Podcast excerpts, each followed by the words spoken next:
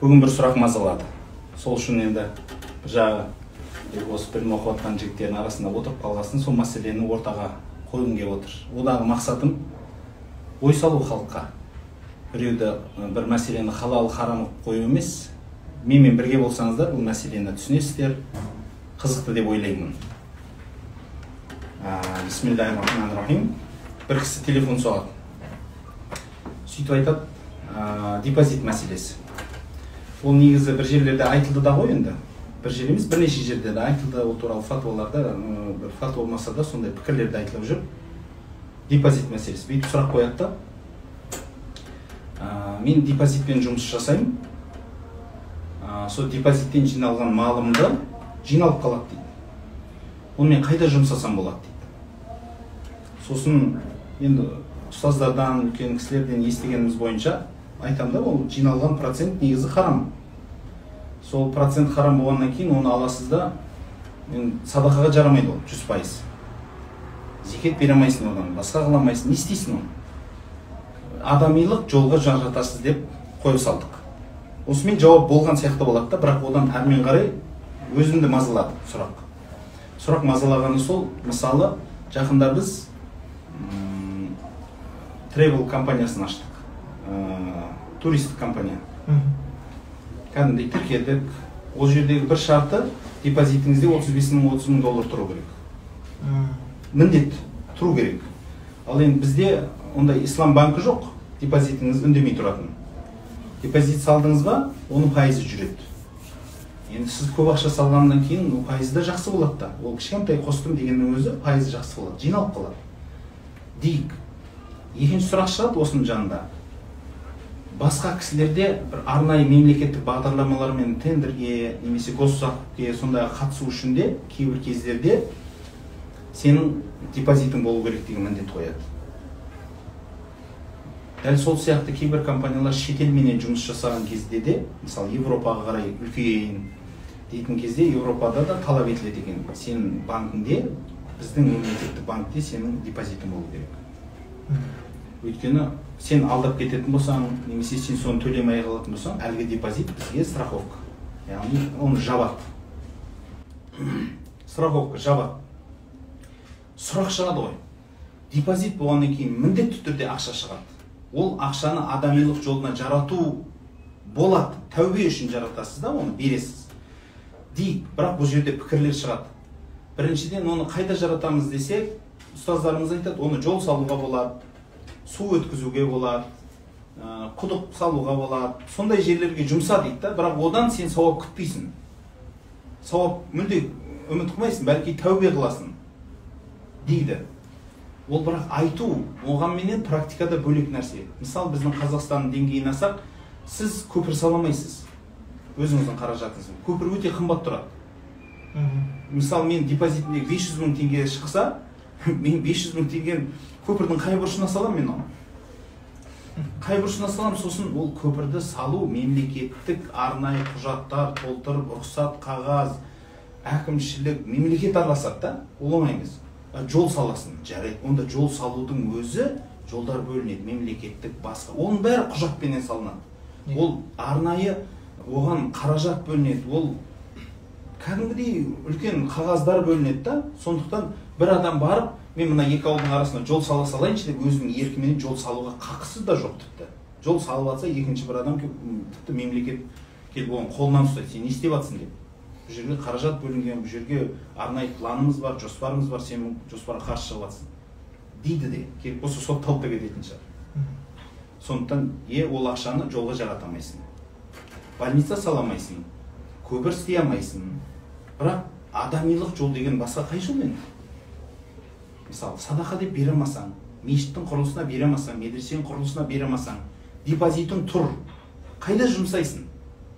дегенде ой шығады. Мынау ше ұстаз егер қор мысалы қор бар ә, қайырымдылықпен айналысатын қор ә, әртүрлі бағытта. Ол қорға біреуден ақша алған кезде біреудің ақшасын алған кезде оған сол қорға міндет пе? Сұрау сен бұл ақшаны қайдан алдың? Міндет емес. Міндет емес. Ендеше осы қорға берсе қалай болады екен? Осы- осы- үйге жаңағы қа- қайырымдылық қылатын Иә, иә, сол- бәрібір. Иә сондай қорға бір қорға өткізсе сол ақшасын. Садақа ретінде хадия жәрдем ретінде ма? Жоқ сауапты үміт етпей солай береді. Ал ары қарай олар ыыы, өздерінің несіне пайдаланады. Осыны адами неге жатқыза аламыз ба? Болады. Жатады. Қор. Жатады. Бір қандай да бір бір қандай да бір белгі. Иә сауап үміт етілмейді. Сондай қорларға жұмыс болады жақсы ол. Менде мынандай ой шығады да. Мысалы бұның ә, шығатын нәрсесі өйткені ойдан ой туады дейді ғой. Менде ондай қор бар. Медресеге жұмыс істеп жатқан бірақ ол қаражатты мен алып келіп оған араластырғым жоқ та. Барынша адал жұрттың адал тапқанынан істегім келеді. Бірақ енді жұрттан бұл ақшаны қайдан таптың? деп сұрауға хақым жоқ. Сондықтан не берді соны қа- қабылдаймын сондықтан ол болатын жақсы пікір сияқты. Екінші пікірім мысалы бір адамдар мешіт салып жатыр ауыл жерлерде. Өте зәру ол қаражатқа ол медресе салып жатыр біреулер. Иә. Біреулер медресені баққысы келеді. Осы қаражатты қалай айтсақ мұхаллал қыламыз ба ха- халалдаймын деген сондай бір қызық пікір шығады да өйткені зекет мешітке жаратылмайды. Пітір садақасы мешітке жаратылмайды. Құрылыстарына жаратылмайды мешіт медресенің. Бірақ соны мұхаллал қылудың жолының біреуі тәмликті өзгерту. Мүлікті адамның алдынан алып тастау. Мысалы айтайық мен зекет алуға мұқтаж адаммын бір кісінің зекетін аламын да бірақ мешітке құрылысына беріп жіберемін садақа ретінде жәрдем ретінде беріп жіберемін да екеумізге де сауап болады. Бірақ ол мұхаллал сияқты көрінеді да мен бір халалдау да анаған зекет болып келді бірақ мына зекет болып шықпайды бұдан. Бұдан садақа ретінде Иә. десе жәрдем ретінде шығып кетеді да. Ә, бір қандай да бір дәрежеде кейбіреулер бүкіл бүтін пітір садақасын алады да мешіттің құрылысына жаратқысы келеді. Өйткені мешіт қатты мұқтаж. Қирап жатыр жыл бір жыл болды светін төлемегеніне мысалы айтайық. Иә. Оны біреуден қарыз сұрап бара алмайды сөйтеді да мешіттің пітірін ә, қалай айтса аты жаман естіледі да бәрібір. Обмывка дейміз ба жуу да былай айтқанда мұхаллил ал адалдау өзінің бір қызметкеріне береді да барлығын. Сөйтсе ол мешіттің қызметкері оған қайтарып береді да. Сөйтеді да ол мешітке қайтадан жаратады.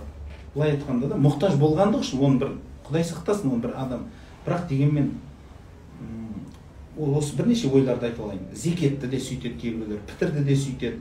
Дәл осындай депозиттен түскен қаражатты да алып алып бір адамға беріп хадия ретінде.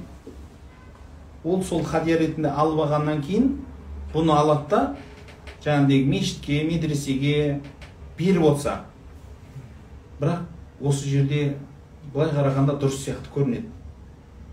Ниет мәселесі қиын қиын болып қала ма деймін да. Соны көріп тұрған адам дәл сондай мәлул харам дейді ғой енді арам сияқты малды адалдау бір адам жүрегі көтере алмайтын нәрсе ғой кейде.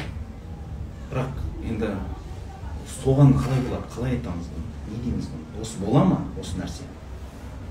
Нұркен не ойлайсыз? Негізі жалпы бізде шариғатта адам мысалға сенде қандай мал бағанағы бізде? Хабис арам мал болып бөлінеді және халал мал болып бөлінеді. Бірақ ол екі малды сенің малың болады. Бірақ бұл жерде шариғат бізге не дейді?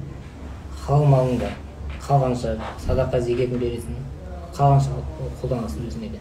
Қалғаны өзің қолданасың. қалған иә зекетін беріп уә- уәжібіңді мойнынан түсірсең қалғанын өзің білесің. Ал харам мал болатын болса сен одан құтылу керексің. Мүлде. мүлде. және бірақ бұл жерде бір, бір нүктеміз бар харам малдан да сен зекетіңді бересің. өйткені ол сенің малың халал болса да. бірақ бұл жерде біз айыру керекпіз. сен халал малдан зекетін бергенде сауабын күтесің алланың айтқанын орындап халал тауып ақшаны ал харам болса сен бұл жерде оны біріншіден құтылу және зекеттің шарттары орындалған болса сол харам малға бұл жерде сен соның зекетіңді шығарып және құтылу керексің.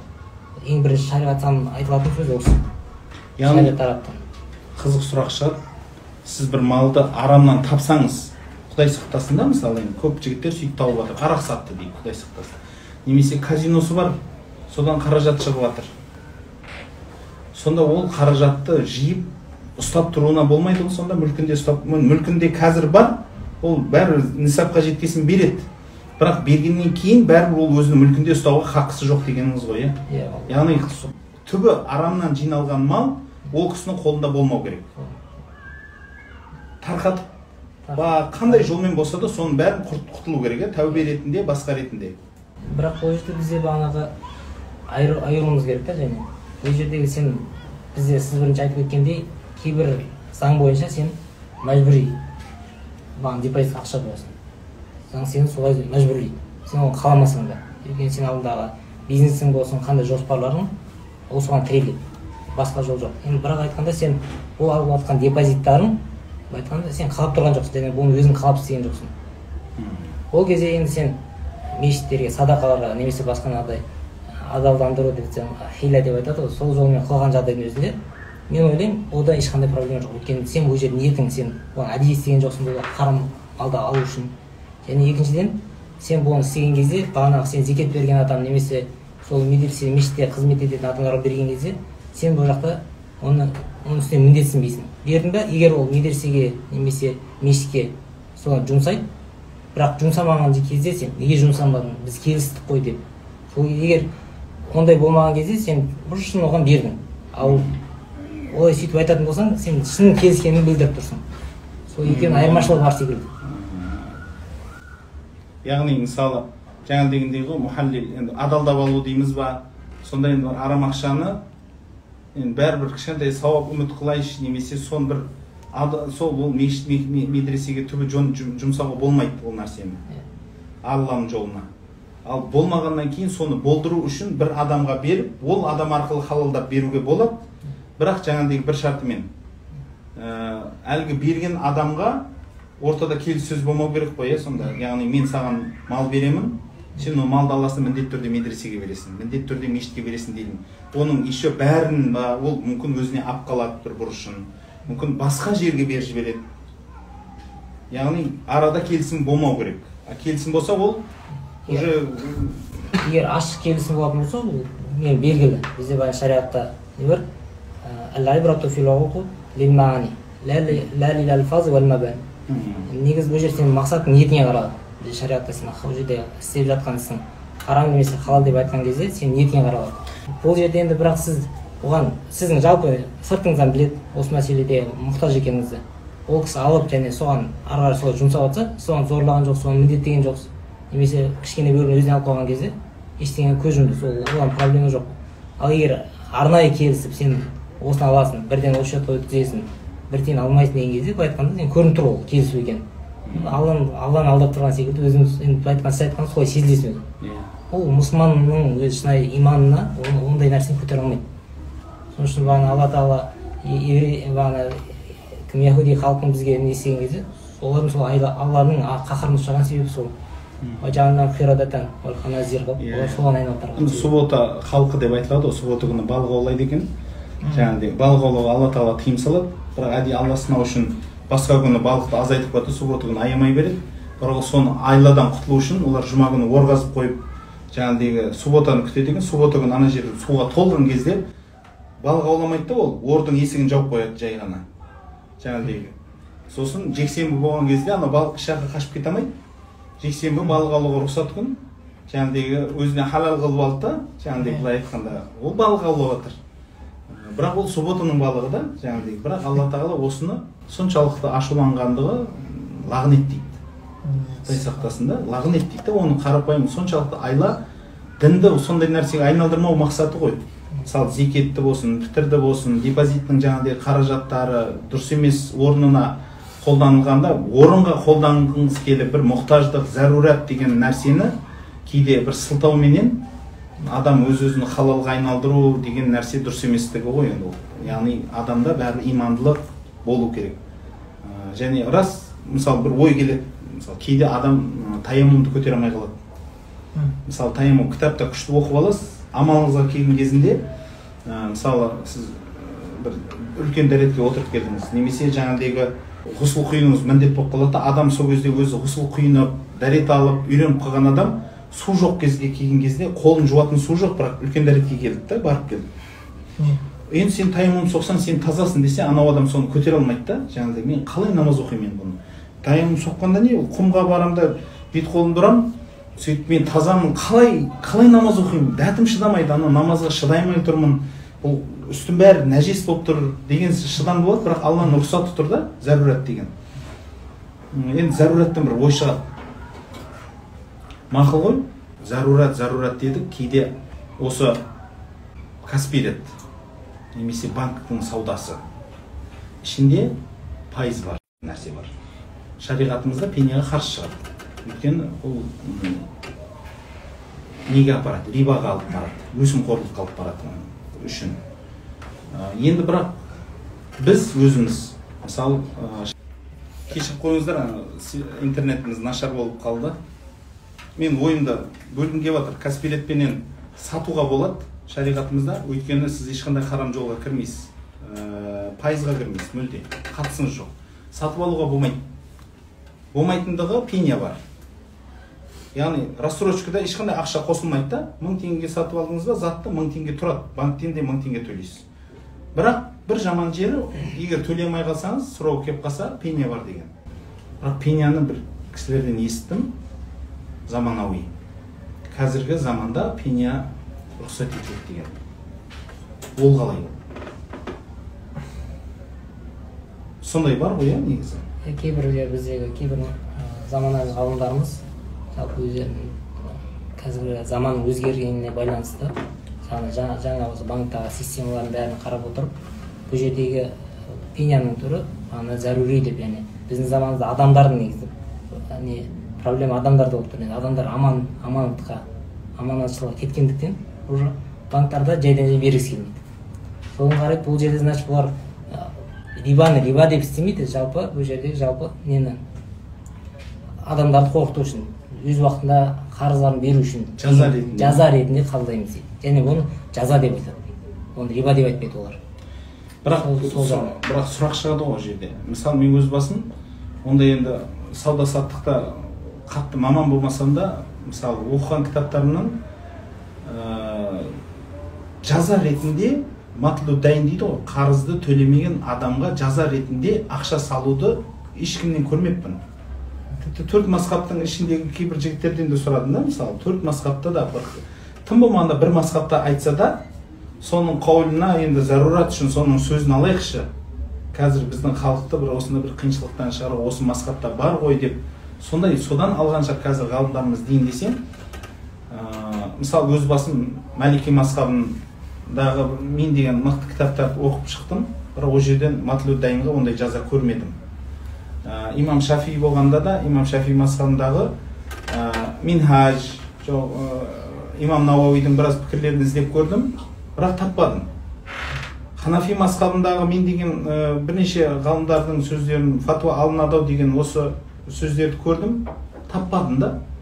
Өйткені жаза ретінде ә, бір кісі айтады бір кісінің ақылы. Бұл ақылға қонбайды дейді. Өзі ақшаны төлей алмай жатқан адамға мойнына ақша салу. Яғни өзінің ақшасы жоқ оны төлеуге дейді. Оған сен осыны төлемесең сенің ақшаң жоқ дейді. Ақшаң жоқ болса онда үстінен тағы қосып беремін десе ол ақылға сыймайтын дүние дейді да. Ақшаны ақшасыз ақшамен жазалау. Сол үшін исламда жазаны ә, оны түрмеге жатқызып қоюменен басқа басқа нәрселерменен еңбек ақылы немесе орнына басқа затын сатып жаңағыдай мал дүниесін арестке қойып соның затын сатып қарызын төлетуге зорлықпенен. Сондай нәрселерге болады дейді да. Бірақ ақшаның үстіне ақша салу ол ақылға бірінші қисық дейді. Деген пікірді ғана оқыдым. Енді мүмкін бұл кісілерде мысалы басқа пікір бар ма или басқа европа мысалы ы, дін ислам діні билік құрмаған мемлекеттерде ислам діні енді дұрыс жаңағыдей толық дәрежеде орындалмайтын мемлекеттерде бір қандай да бір зарурат үшін деген тағы да пікір шығып қала ма ол жерде? Пеня деген. Сол үшін мен мысалы өз басым енді мүмкін бір қатты айтып отырмын ғой қатты фихтан бір сұмдық маман емеспін бірақ бір сұраққа алып кетеді. Егер оқыған адамдар болса мүмкін бір пікір айтар. Ой салу ғана ғой бұл. Бір жерге фатуа шығару емес. Менің ойымдағы сондай нәрсе да. Жалпы ұстаз бағанағы біздегі қазіргі енді негізі халықта кішкене сондай түсінік бар да. Кейбір ғалымдарымыз рұқсат берген дегенде оларға олар кейбіреулер сол бұл түсінік рұқсат деген сөзді қалады да. Қалған жағдайда не үшін айтты не үшін рұқсат бергенін қарамайды. Ол жерде біздегі соңғы кейбір ғалымдарымыз кейбір оған бүкіл келіспейді. Бірақ сол берген рұқсат бергендердің өзі оның өзінің шарттары бар. Оған жеке жағдаймен қаралады не үшін алып былай айтқанда бұл саған рұқсат бұл ри- риба емес деп қан- тек қана айтпайды сен алып жатқан затың не? Сен мұқтажсың біз айтқан зарури ма сол нәрсе? Оған сен былай айтқанда ол саған сенің асыл өзің күнделікті қолданатын нәрсең керек емес жай ә, сен әдемілік үшін сондай үшін алып жатсың ба? Ондай болса ол кезде олар да жоққа шығарады енді бізде түсінік халықтар кейбір кезде пәленше біреу рұқсат деп қалыпты. Мысалы онда не деп сол- пайдалана берейін иә болды. Сен неге сол сол үшін алла тағала дейді хабира дейді. Біл- білетін адамнан сұра дейді. Және білетін адамнан сұра дегенде бізде білесіздер ә, фатуада не бар? Жеке адамға қойылатын сұрақта жеке жауап беріледі. Ал кейбір халық жалпы халыққа қойылатын бағана фәтуа бар. Ол бүкіл халықта бірдей. Кейбір адамдар өзінің өзінің жеке алған фәтуасын бүкіліне жа- жариялайды. Сөйтіп ей мынаған рұқсат беріпті ана біреу ана ұстаз болады деп айтты ғой дейді да. Соның бәрі бағанағыдай. Бір адамның фатуасымен Бір- жүреді иә. рұқсатымен. Сол үшін негізі бағанағыдай бізде ифтада жалпы фәтуа беру мәселесінде адамына уақиғасына қарай болатын иә ол сол үшін бағана кейбір ғалымдар айтады және муфти хаким болу керек. Иә өйткені кейбір мәселеде мысалға біреу келеді да талқ мәселесіне келеді. Осындай осындай болды дейді. Анау қарайды түсті дейді талақ дәл сондай мәселе келеді. Муфти, айтады түспеді деп айту. Өйткені ол дана ғалым және оның көзқарасы басқа және ана адамның діндарлығына өкінішіне өкінгеніне соған да қарау керек. Тек қана бағанағыдай жалпы бірдеңені үзіп алып соны жариялап және соның артынан былай айтқанда былай айтқанда жала жабу ғой ол кісінің артына да. Зарурат деген сөзден ше еріксіз түрде бір пікір шығады. Жақында бір мақала оқыдым осы депозитке мал қаржыға байланысты ғой. Ә, сол зарурат үшін дейді ә, ислам емес мемлекеттерде ипотеканы пайдалануға болады деген пікірді естідім. Тіпті сол мақаланы шұқылап отырып мына қандай ә, мақала деп те ізденіп көрдім да кейбір кісілер бұны осы диабанктың адамдары бұған рұқсат берді деп айтады. Мұсылман емес мемлекеттерде ипотеканы қолдануға себебі дейді үй үй жай мұқтаж заттар бар да заруратқа мұқтаж заттар. Мысалы сіз нан жемесеңіз болмайды. Ә, киім кимесеңіз болмайды. Дәрі дәрмек ауырып жатқан адам дәрісіне ем алмаса болмайды. Зару мұқтаж да. Сол мұқтаждық үшін ол адам қаражат жағынан өзге адамдардан жәрдем сұрап немесе сондай бір, белгілі бір зару іске мұқтаж болады. Яғни өзгеше пәтуаға. Бірақ сол өзгеше пәтуаның біреуі біреулер айтады үй адамның зарураты дейді. Өйткені ханафи мазхабында екеуі бар да бір, бір ғалымдар және бір ғалым емес уалейхи фатуа фатуаның ең үлкен бөлігі және көп ғалымдарымыз үй адамның мұқтаждығына кірмейді деп айтады. Негізгі сөз осы. Бірақ енді негізгі сөз анық одан бұлжымау керек қой енді. Бірақ соның жанында алып қашты сөз емес қосалқы сөз. Қосалқы сөз ол жерде үй адамның заруратына кіреді деп айтады. Мұхаммад ғана айтады. А абу ханифа менен абу юсуф заруратқа кірмейді дейді. Имам мұхаммед заруратқа кіреді деп айтады. Қызық жері. Онысы ешнәрсе емес осы бір жерді алып айтады. Міне заруратқа кірді ғой. Ендеше сен ипотекаға немесе бір қазіргі кезде үй бағдарламаларына кіріп ол жер пайыз ба пайыз емес па? Қызық емес. Сен мұқтажсың.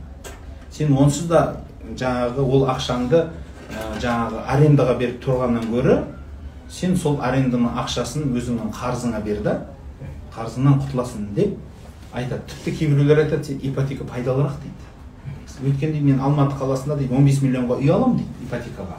20 жыл төлеймін дейді. Ол кішкентай тиын дейді да.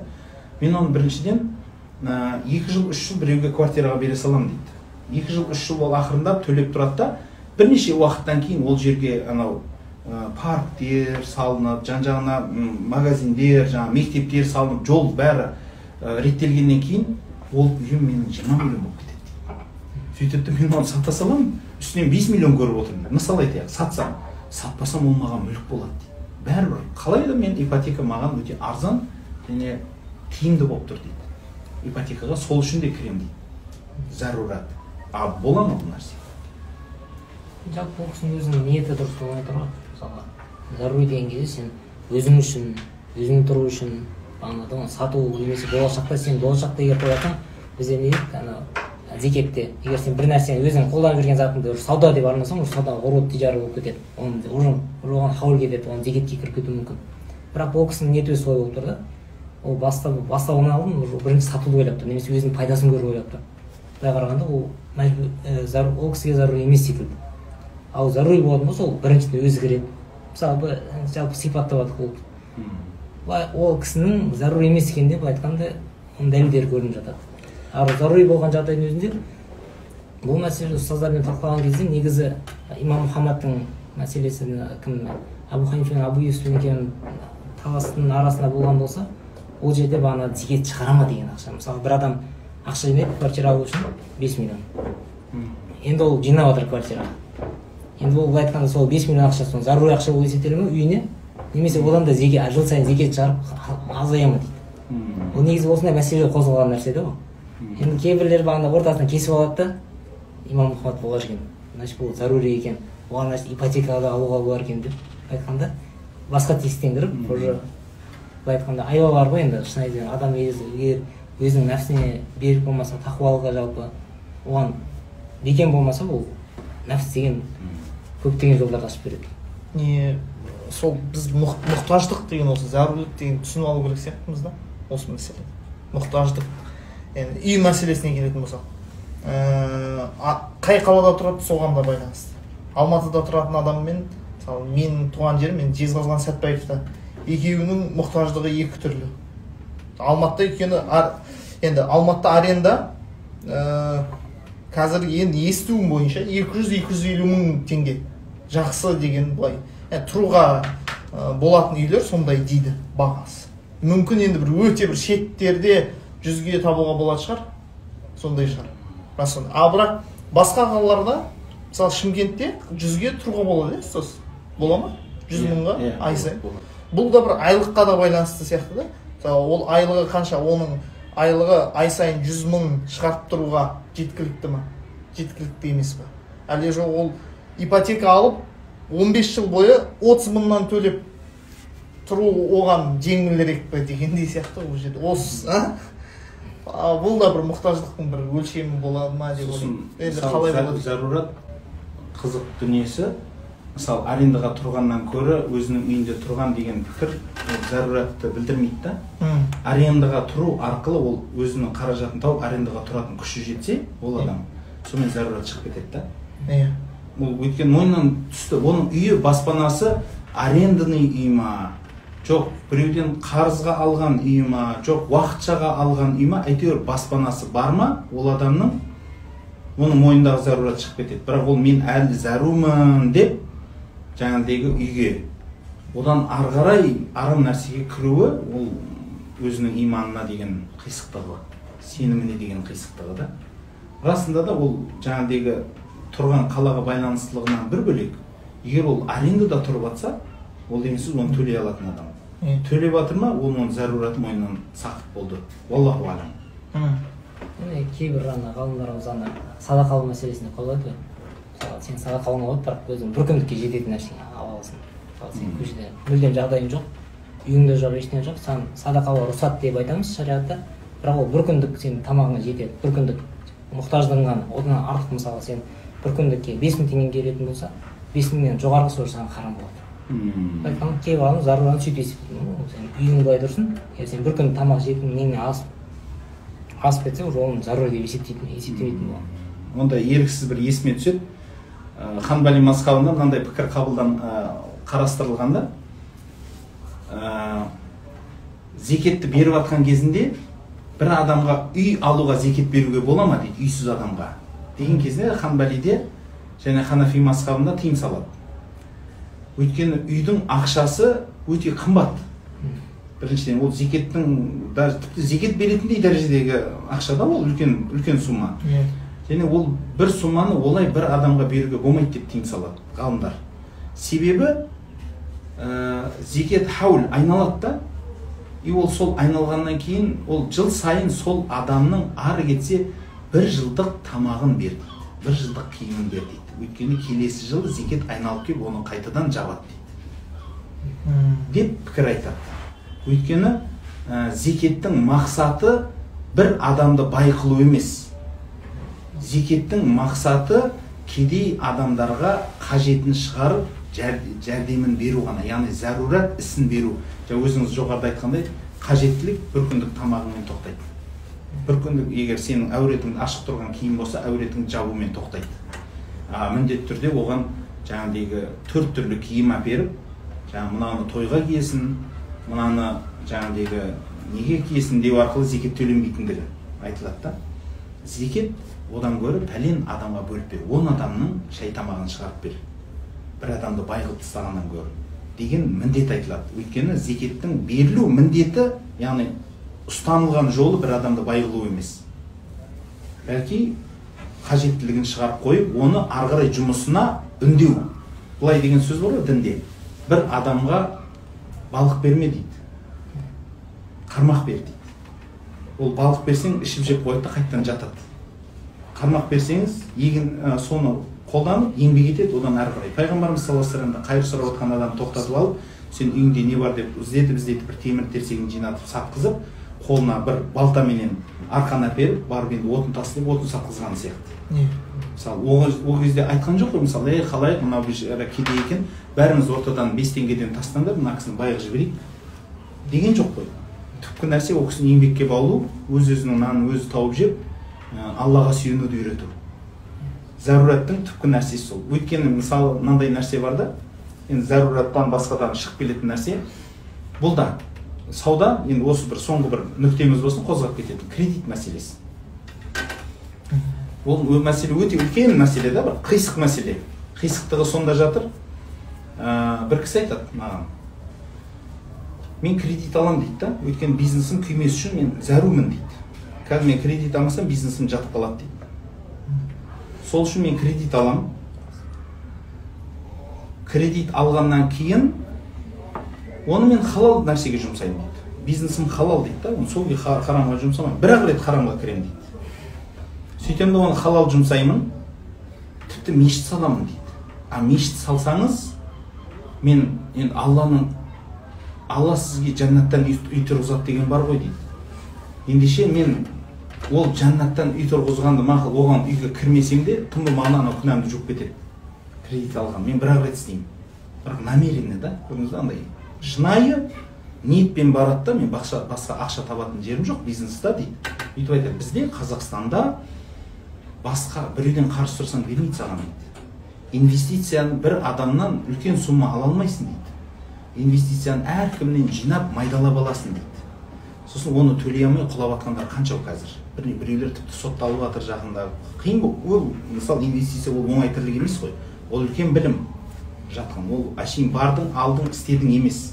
А кредит оңай. Нағашыңнан алғандай барасыз да жаңағыдегі банкке барасыз қолын қоясыз ортаға мүмкін залог мүмкін басқа ортаға гарант болады. Алдыңыз бірден халалға жұмсаймын дейді да. Мен зәрумін дейді. Жаңағы менің бизнесім құлап қалды онсыз. Немесе бизнесім үлкейе алмай жатыр. А бірақ дейді сөйтіп айтады ей имеке дейді молдеке дейді. Сенің отқан мешітіңді мен сап бердім дейді. А түбі мен кредит алғанмын дейді. Ә, мен медресе сап бердім дейді. Мен мешіт сап бердім мен пәлен имамға айлық төлеп отырмын.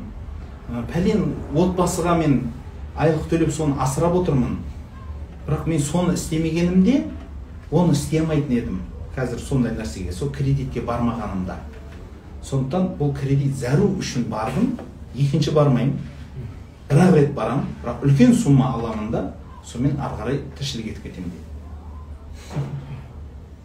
Бұл бұдан мен не есіме түсіп кетті қағида жаңағы деген ше мақсат нені апаратын жолды ақтамайды деген яғни бір мақсатқа апаратын жол ол арам болса ол ана жаңағы ізгі мақсатта ақтап шықпайды деген сияқты енді махдурат деген бар ол енді бұл бұл қаншалықты бұл енді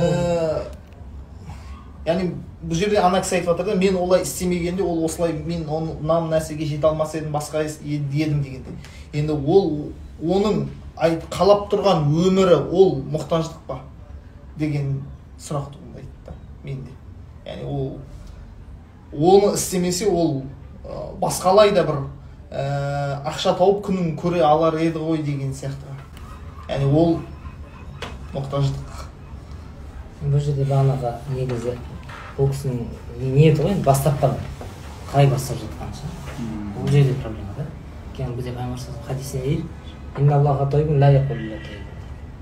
алла тағала бізде жақсы амал сұраса мысалы бізде ниеттерге және амалымызға екеуі бірге жүреді бізде шариғатта. Ниетің таза бірақ амалың қисық болса алла қабылдамайды. Ол мың жерден сен мысалы харам мешітінде толық сауап берсең да ол саған алла тағала бірден қажет емес негізі біздің амалдар мысалы және ол жерге айтқандай мақсатымызды хал қылмайды дегеніміз ә, жолымызды василяны пайғамбар саллаллаху өміріне пайғамбар алейhi меккеде басында қанша қинады ең соңында мүшриктермен қырылысқан кезде мүшриктер не давай сені үйлендірейік ақша керек па? Не керек басшы боласың бол деп. Жерде ғалымдарымыз айтады егер пайғамбар вассалам осы жолды жалпы мен мақсатыма жету халал ма харам ба қаламайтын болсам пайғамбар саллаллаху басшы болып мүшриктердің бәрін жоқ қылып жібереді бірақ саллаллаху жоқ солардан мен таяқ бірақ мен сол күйі алланың адал жолымен өзімнің бағанағыдай пайғамбарлығымды жеткіземін.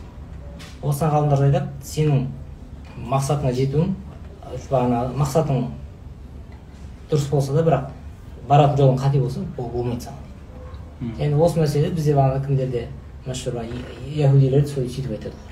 Олар сен главный мақсатың дұрыс. Харам ба халал ма харам ма? Жетсең болды. Қандай дәрежеде деген енді бірақ қазіргі заманауи современный психологияда да сондай бір керемет дүние бар ғой. Ә, қазіргі кездегі тапқың келген қазіргі кезде тапқың келген пайыз ә, жаңағы не пайданы қызық көріп ертеңнің болашағыңды құртпа дегендей ғой. Мысалы или басқа мағынада айтсақ одан да жақсырақ мағынада айтсақ әсем бір мағына шығатындығы біріншіден рызық несібе алладан. Сол келе жатқан рызық несібені егер бір адам асығыстық жасап арам жолмен де табуына болады да. Жаңағыдай барды да кредит алып қойды. Бірақ егер ол кісі жаңағы пайғамбарымыз сияқты ғой саллаллаху алейхи мысалы оған ұсыныс келіп тұрды да мысалы кесей патша бола салсай деп. Бірақ ол кісі шыдады да сабыр қылды да. Бірақ біраз уақыттан кейін пайғамбарымыз саллаллаху алейхи вассалам тіпті көп те уақыт өткен жоқ он жыл ұзағымен сегіз жылда ол кісі мемлекет құрды. Былай айтқанда патша болды да бәрібір. Бірақ адал жолмен болды. Ол соншалықты патша болды пайғамбарымыз саллаллаху алейхи вассалам өзі айтады мен бір айлық жолдан дұшпандарым қорқатын дейді яғни бір айдан кейін осы жерге мұхаммед келеді десе әлі келуіне бір ай бар сол жерден көшіп кетеді екен ел әлі мұхаммедтің әскері осы жерге бір айдан кейін келеді десе жұрт сумкасын жинайды екен да сол жерде. Ойлаңыз соншалықты айбат берген алла тағала ол кісіге дұшпандарының алдында. Мемлекетін істеген ісін адалдап бергендігі. Дәл сол сияқты ырзық несібе іздеуде де бір үлкен дүние. Мен енді осы жерде отырысымыздан бір қорытқан дүнием. Депозит болсын кредит болсын негізі түбі арам. Ә, мысалы зекет пітрдің өзінің қолданатын орны ғана бар. Оның орнынан шығаруға жасалынған айлалар айла болып саналса егер ол шынымен адам жүрегіне қарау керек сияқты ғой. Айла болып саналса ол бәрібір дін оны бәрібір қолдамайды. Арамның аты арам қанша айла қылсаңыз мысалы мен зәрурат деп мұқтаждық деп қалай атасаңыз да ол жүрегіңізге қараңыз пайғамбарымыз саллаллаху алейhi вассалам айтады егер жүрегіңе бір нәрсе жетпесе бармаса оны таста дейді. Ол адамның шынымен имандылығы өзі бірден айтады ғой. Мынау негізі мен алдап жатырмын негізі мен бұл дұрыс емес нәрсе деп. Дәл сол сияқты м, ипотека мәселесі болсын басқа мәселесі болсын адам өз өзін алдап пайызға кіруі өз өзін алдап кредит пайызына болсын ипотека пайызына болсын немесе депозиттағы пайызына болсын кіруі біріншіден шариғатымыз дұрыс емес. Және ол ешнәрсені ақтамайды. А екіншіден олдан шыққан малды жақсылыққа шамасы келгенше жаратады. Жарататын орындар да бар екен әрекет қылса. Бірақ ол жерден сауап күтілмейді. Арам мал болғасын. Арам малдың түпкі нәрсесі менің ұққаным ол сенікі емес бәрібір түбі. Енді милкия болғанменен одан сен құтылуың міндет болып қалады. Яғни жаңа дегендей мен түбі мешіт салам ғой. Мысалы кредиттен алып алды да арам малды. Арам мал ғой түбі. Сөйтті да мен оны жақсы саудаға істеп жаңағыдай үйтем ғой бүйтем ғой деген дұрыс емес. Бірақ енді өтіп кеткен дүниеге мысалы кезінде ол білместікпен істеді. Кезінде ол мысалы мүмкін казиносы болды. Кезінде ол басқа нәрсесі болды. Ол малды қазір жақсылыққа салып ол жақсы жұмыс істеп жатса оны да құртып жіберу керек па сонда? Жалпы бұл жерде ол кісі ана басында алған малын және өзінің өзінің харам малын жоба біледі ғой қандай екенін. Соны өлшеп шығарады. Қалған мынау жоқ мен қалған мынау өзімнің еңбегім былайынан өзінің еңбегі деп жалпы анау харам малдан бөлек былай есептеген кезде мынау менің қалған өзімнің таза ақшам дейтін болса өзімен өз есебімен ары қарай кетеді. Бірақ егер ол тапқан тек қана басынан соңына дейін соған сол малмен болған болса ол кезде бәрін шығарады. Яғни бәрібір өзіне алып қалу хақысы жоқ. ақысы жоқ. Өйткені былай айтқанда сол малдан келіп тұр да ол ол оны жаңа дегендей мақсаты оны ақтап шығарамайды ғой иә мен жақсылыққа жіберемін хайр иншалла жақсылықта жолығайық құрметті бауырлар. бір ғана ой салу бір нәрсені адалдау арамдау емес құрметті бауырым.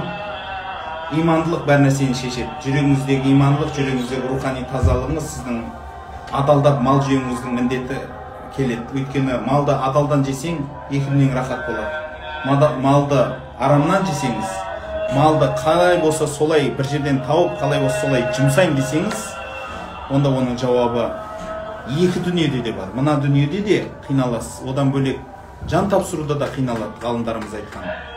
Одан бөлек қабірде де қиналады ол адам. Одан бөлек ол адам ақыретте де оның жауабы тұрады.